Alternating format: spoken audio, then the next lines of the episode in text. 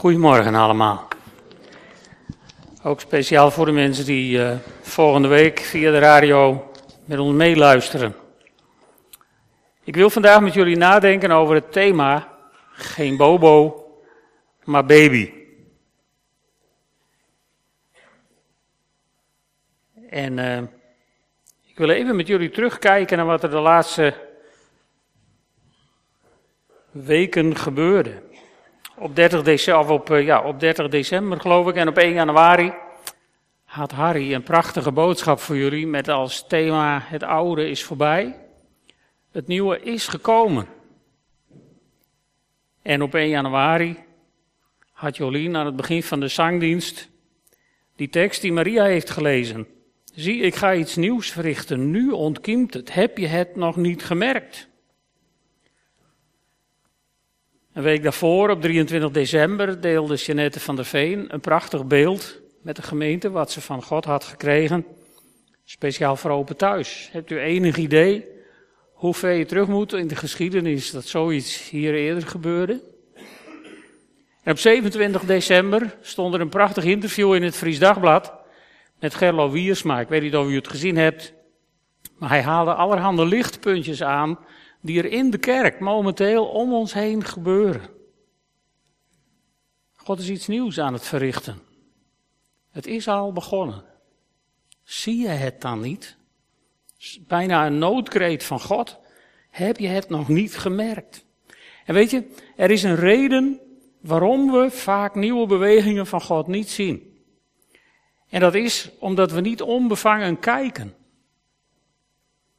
We kijken door de bril van onze ervaringen en we verwachten daarbij dat iets nieuws van God er net zo uitziet dan het vorige nieuwe.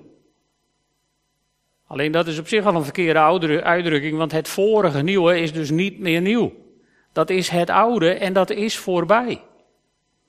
En het nieuwe wat komt, dat mag, dat mag je niet, niet beoordelen, niet meten naar de maatstaven van de vorige vernieuwing, de vorige beweging van Gods geest. Ik wil met jullie een stukje uit de Bijbel lezen. Aan de hand van waar ik daarover wil nadenken. En dat staat in Matthäus 2. Het hele beroemde verhaal van de wijzen uit het oosten. Matthäus 2. Toen Jezus geboren was in Bethlehem in Judea tijdens de regering van Herodes kwamen er magiërs uit het oosten in Jeruzalem aan.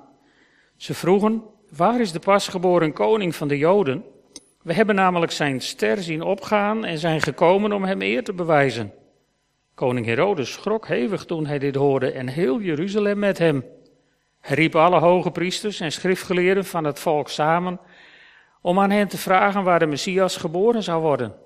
In Bethlehem, in Juda, zeiden ze tegen hem, want zo staat het geschreven bij de profeet. En jij, Bethlehem, in het land van Juda, bent zeker niet de minste onder de leiders van Juda, want uit jou komt een leider voort die mijn volk Israël zal hoeden. Daarop riep Herodes in het geheim de magiërs bij zich. Hij wilde precies van hen weten wanneer de ster zichtbaar geworden was.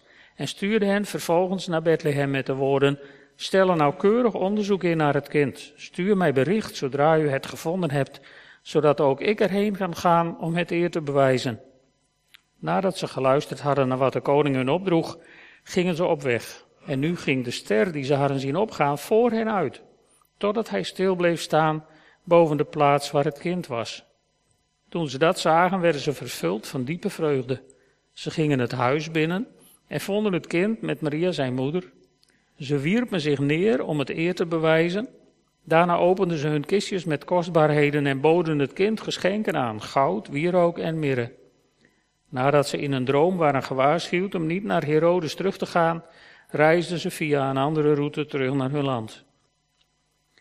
Kort nadat ze op die manier de wijk genomen hadden, verscheen er aan Jozef in een droom een engel van de Heer. Hij zei: Sta op en vlucht met het kind en zijn moeder naar Egypte. Blijf daar tot ik je weer roep, want Herodes is naar het kind op zoek en wil het ombrengen. Jozef stond op en week nog diezelfde nacht met het kind en zijn moeder uit naar Egypte.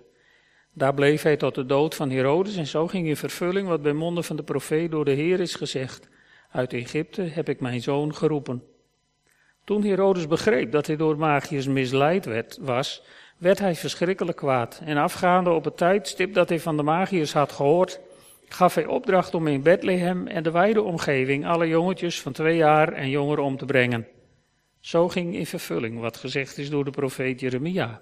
Er klonk een stem in Rama, luid wenend en klagend. Rachel beweende haar kinderen en wilde niet worden getroost, want ze zijn er niet meer. Nadat Herodes gestorven was, verscheen er in een droom aan Jozef in Egypte een engel van de Heer. De engel zei, sta op, ga met het kind en zijn moeder naar Israël, want zij die het kind om het leven wilden brengen, zijn gestorven. Jozef stond op en vertrok met het kind en zijn moeder naar Israël. Maar toen hij daar hoorde dat Archelaus zijn vader Herodes had opgevolgd als koning over Judea, durfde hij niet verder te reizen. Na aanwijzingen in een droom week hij uit naar Galilea. Hij ging wonen in de stad Nazareth. En zo ging in vervulling wat gezegd is door de profeten. Hij zal Nazoreer genoemd worden. Tot zover het verhaal over de wijzen. En er zijn een paar dingen in dit verhaal die, uh, die ik aan zal stippen. Om te beginnen, de Joden. De Joden verwachten de Messias. En ze wisten zelfs profetische details. Want toen de wijzen kwamen, waar is dat kind? Toen kwamen de, ja, de schriftgeleerden, de theologen, precies vertellen wat er in het woord van God stond. En ondanks dat ze zoveel wisten, ondanks het feit dat ze het boek hadden, zagen ze niet dat de Messias recht onder hun ogen geboren was in Bethlehem.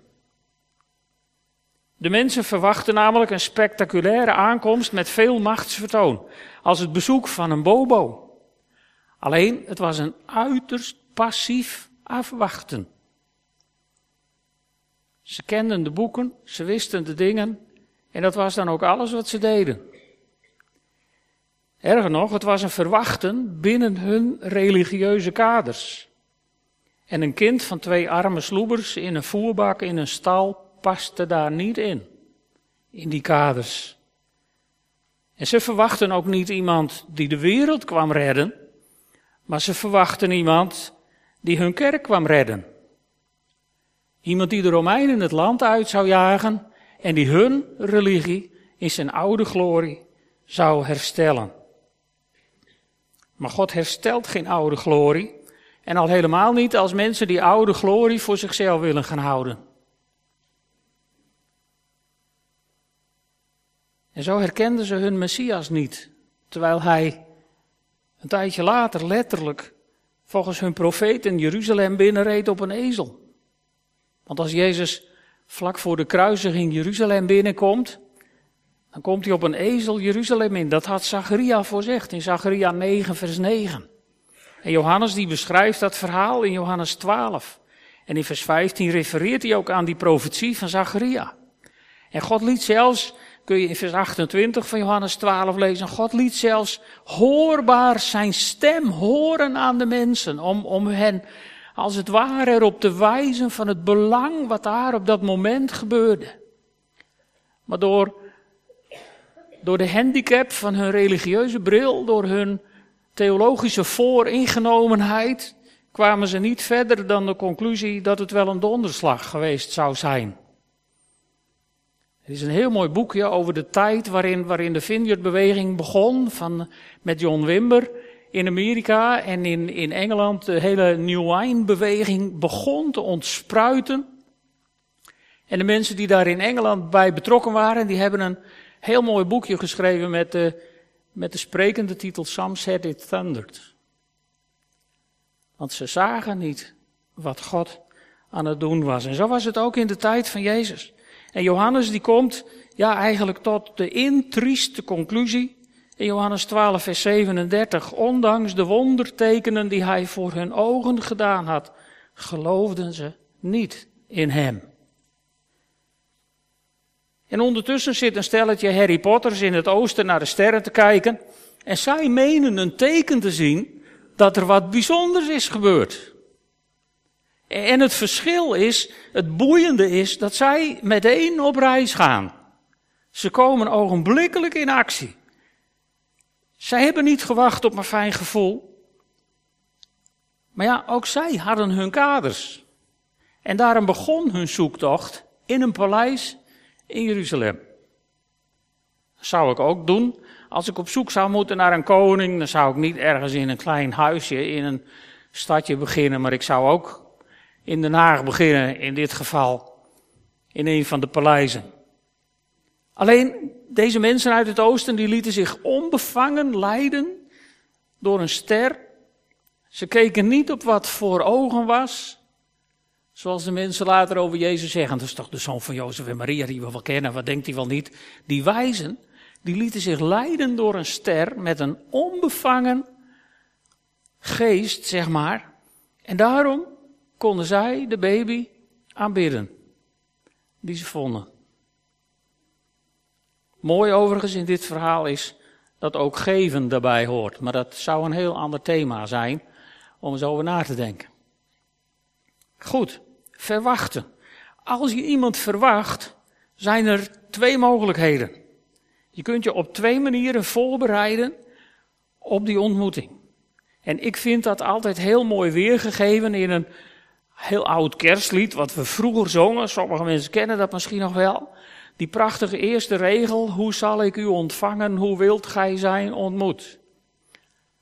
En, en de dichter zal het zo wel niet bedoeld hebben, maar ik zie in die regel een ongelofelijke tegenstelling, een tweedeling in hoe je kunt verwachten dat God wat nieuws gaat doen. Hoe zal ik en hoe wilt gij? En dat zijn eigenlijk twee, twee scherpe tegenstellingen. Hoe zal ik hoe is mijn kader? Hoe is mijn theologische vooringenomenheid? Hoe vind ik dat God het moet gaan doen als hij zijn kerk gaat vernieuwen? Of hebben we het lef om te zeggen, Heer, er moet wat gebeuren in uw kerk. Hoe wilt gij? Hoe zou u het nu deze keer willen doen? Dat vergt moed. Want dan heb je het niet meer in de hand. Want iedereen in die tijd wenste de bobo te ontvangen, maar niemand was klaar voor de baby. Ook de wijzen niet, want die waren op zoek naar een bobo-baby, die ze niet vonden. Het verschil is dat zij actief op zoek waren met een open mind. En als je zo op zoek bent, als je zo probeert God te volgen, dan komt God wel klaar met die religieuze kaders. Daar hoeven we onszelf ook niet druk om te maken, om dat met alle geweld kwijt te willen raken. God redt daar wel mee, als we hem de ruimte geven. Belangrijk is dat je blijft zoeken. We zien dat in de kerstverhalen. De herders gingen op zoek, de wijzen waren op zoek, Maria bleef ook nog op zoek, hè, want in Lucas 2, vers 19 staat over Maria. Als ze al die dingen van de herders heeft gehoord, ze bewaarde die woorden in haar hart. En ze bleef erover nadenken. Een van de dingen waarom, waarom wij vaak ook dingen over het hoofd zien, is dat we wel veel dingen horen en wel veel dingen lezen, maar vervolgens wordt dat overspoeld door de drukte van de dag, gaan we over tot de orde van de dingen en vergeten we wat God eigenlijk ons probeerde te zeggen. Dat zijn we zomaar weer kwijt. Maar goed, 2000 jaar geleden kwam Jezus niet als bobo, maar als baby. In Hebreeuwse letters zou je dat overigens hetzelfde schrijven, maar er is een groot verschil tussen. Hij werd door een goddelijke regie geboren in Bethlehem. Want keizer Augustus, die zich de heerser van deze wereld waande, die werd door God prachtig gebruikt om te zorgen dat de zwangere Maria in Bethlehem landde, vlak voordat Jezus geboren werd. Want daar moest het gebeuren. Dus door die goddelijke regie wordt Jezus geboren in Bethlehem, maar er was, in Bethlehem hadden ze het niet in de gaten. Er was zelfs geen plaats voor hem. Want in Lucas 2, daar staat, er was, er was geen plaats voor hem in het nachtverblijf van de stad. En zodoende werd Jezus daar geboren in een stal en wikkelde Maria hem in een doek en legde hem in een voederbak. Zo gemakkelijk kun je dus een beweging van God over het hoofd zien. Het is mooi om stil te staan bij verwachtingen en bij resultaten van toen. Maar verwacht u vandaag de dag ook nog dingen van God? Want als je niet verwacht, ga je namelijk niet op zoek. En, en een van de belangrijkste opdrachten misschien wel die Jezus tijdens zijn leven heeft gegeven, staat in Lucas 11, vers 9. Waar Jezus zegt, vraag en je zal gegeven worden, zoek en je zult vinden, klop en er zal voor je worden opengedaan. In het Grieks actieve werkwoorden, dus zolang je vraagt, ben je aan het ontvangen, zolang je zoekt, ben je aan het vinden, zolang je klopt, wordt er voor je open gedaan. Maar als wij zoeken door de bril van onze eigen vooronderstellingen, ben ik bang dat ook wij het nieuwe dat misschien, dat niet misschien komt, maar dat al is gekomen, dat al is uitgesproten, dat we het over het hoofd gaan zien. Want onze vooringenomenheid leidt ertoe dat als, als ik even terug ga naar het thema van Harry, als we zeggen het oude is voorbij, dat sommige mensen roepen, ja ho, ho, ho, ho, ho, dat oude is mij dierbaar, daar ben ik aan gehecht, dat ga ik vasthouden. Dan klamp je je vast aan iets dat voorbij is. En over het nieuwe heb ik de indruk dat heel veel christenen tegenwoordig denken, ja, misschien komt er wel wat nieuws. Maar God zegt niet, nou, misschien komt er wel wat nieuws. God zegt, het nieuwe is gekomen. Met andere, nog erger, het is al uitgesproken. Heb je het dan niet gezien? Een uitnodiging om te gaan kijken. Maar je kunt het gemakkelijk over het hoofd zien. Gaan we even naar Herodes. Herodes die zag de beweging van God ook over het hoofd. Geleid door angst. Dat is vaak ook een reden om bewegingen van God niet gezien, te zien. Geleid door angst voor wat er komen zou, was hij een geweldig instrument in de handen van Satan om de beweging van God in de kiem te smoren. Maar bewegingen van God zijn niet tegen te houden. Dat wist Herodes niet. Maar wij zouden dat kunnen weten. Want door Gods regie mislukte dat. Alleen wel ten koste van de baby's van Bethlehem en omstreken. En dat is ingewikkeld in dit verhaal. Tenminste, misschien vinden sommige mensen het wel simpel, maar ik vind het ingewikkeld in dit verhaal. Want er zullen altijd vragen blijven in de trant van waarom hield God dit niet tegen? Er kwam een engel de wijzen waarschuwen dat ze via een andere weg terug moesten naar huis. Er kwam een engel Jozef vertellen dat hij met de baby moest maken dat hij in Egypte kwam. Bovendien stond het honderden jaren geleden al in de boeken van de profeten, dus God wist ervan. Dat maakt het nog ingewikkelder. Want waarom deed hij er dan niks aan? En misschien is er hier of volgende week voor de radio wel een luisteraar die denkt: Willem, waarom preek je daar dan niet over? Wel, soms zijn er situaties die zo erg zijn dat woorden tekort, tekort schieten. En ik denk dat elk woord wat je hierover zegt, er één te veel is. Ik weet niet wat ik met zoiets verschrikkelijks aan moet. Ik weet ook niet waarom God het niet verhinderde. Ik weet wel, tenminste ik denk wel te weten dat God dit niet gewild heeft. Maar dat Satan hier verwoestend uithaalde Zoals hij altijd doet als God wat nieuws wil doen. En daarom doe ik het enige wat je kunt doen in dergelijke situaties. Ik zoek mijn toevlucht bij Jezus. Want denk je er wel eens over na waar Jezus was voordat hij naar deze wereld kwam? Johannes die zegt in Johannes 1, vers 1, in het begin was het woord, het woord was bij God en het woord was God. Dus Jezus was God. Hij zat naast God op zijn troon in de hemel. Hij was als het ware na de Vader de belangrijkste in het heelal. En ze hadden met elkaar afgesproken dat hij naar de aarde zou gaan om het voor de mensen in orde te maken met God. De kroonprins zelf zou het komen regelen, zou je kunnen zeggen. En ik denk dat Paulus daaraan refereert als hij schrijft in Filippenzen 2, vers 4 tot 8. Laat onder u de gezindheid heersen die Christus Jezus had. Hij die de gestalte van God had, hield zijn gelijkheid aan God niet vast, maar deed er afstand van. Hij nam de gestalte aan van een slaaf en werd gelijk aan een mens. En als mens verschenen heeft hij zich vernederd en werd gehoorzaam tot in de dood. De dood aan het kruis. Dus, met alle dingen erbij die we niet begrijpen, is één ding duidelijk. De kroonprins kwam het regelen.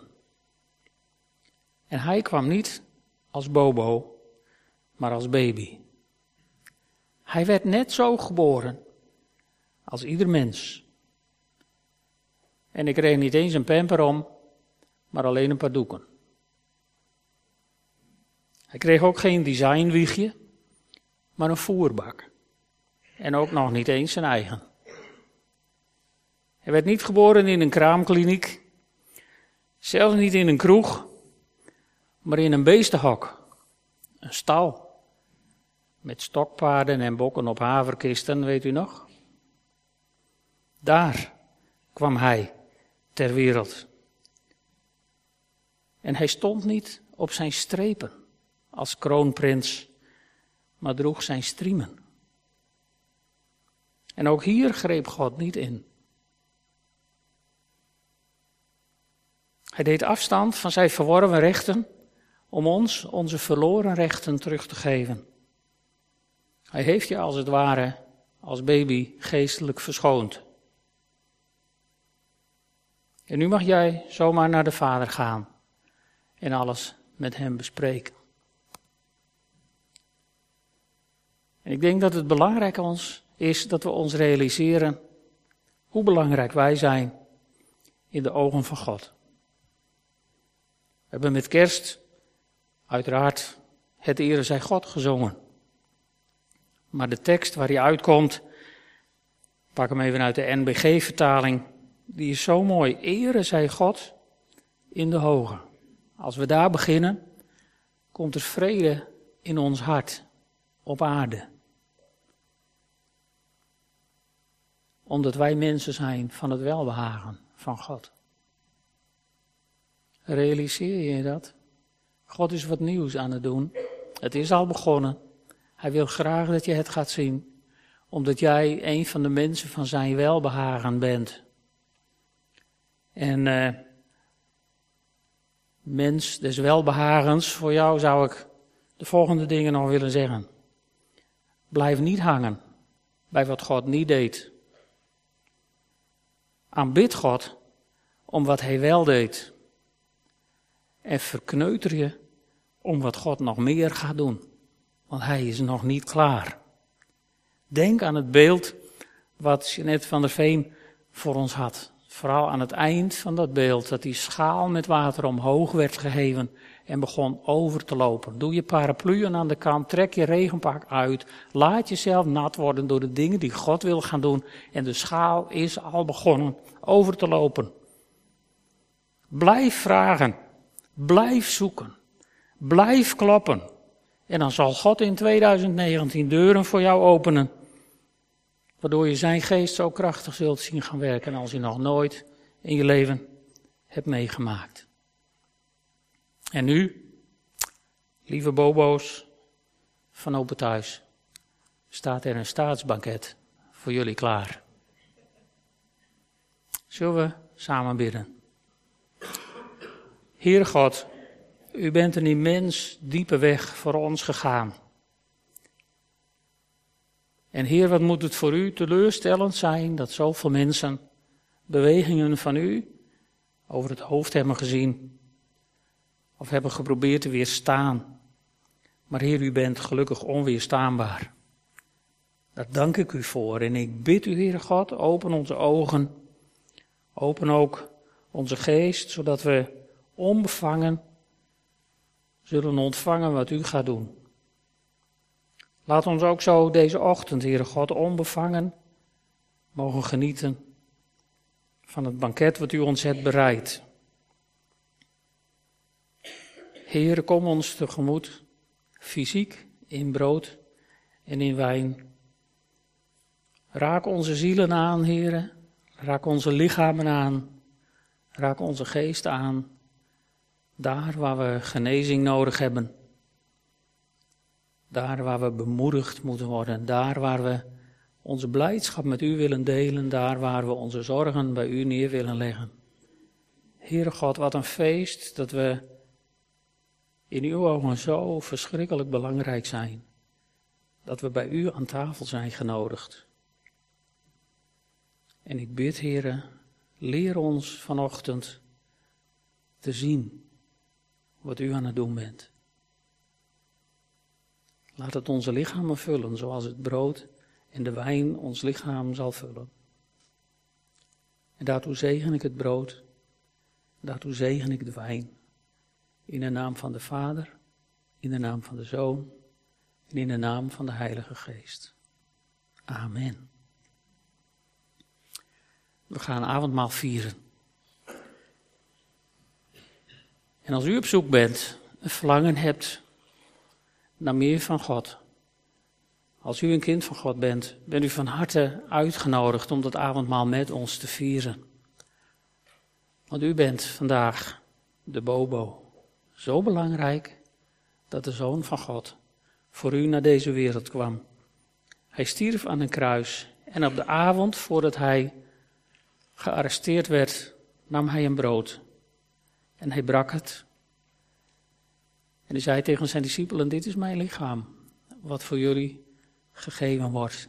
En hij droeg hen op om daarvan te eten en daarbij te gedenken en vooral ook te geloven wat hij voor hen had gedaan. En na de maaltijd nam hij de beker. En hij zei tegen zijn discipelen deze wonderlijke woorden. Dit is het bloed van het nieuwe verbond wat ik met jullie sluit. Het nieuwe verbond. Ik ben iets nieuws begonnen. Heb je het nog niet gezien? Kom dan, drink uit de beker en eet van het brood. Want God heeft een diep verlangen om in het nieuwe wat Hij wil gaan doen, jou mee te nemen.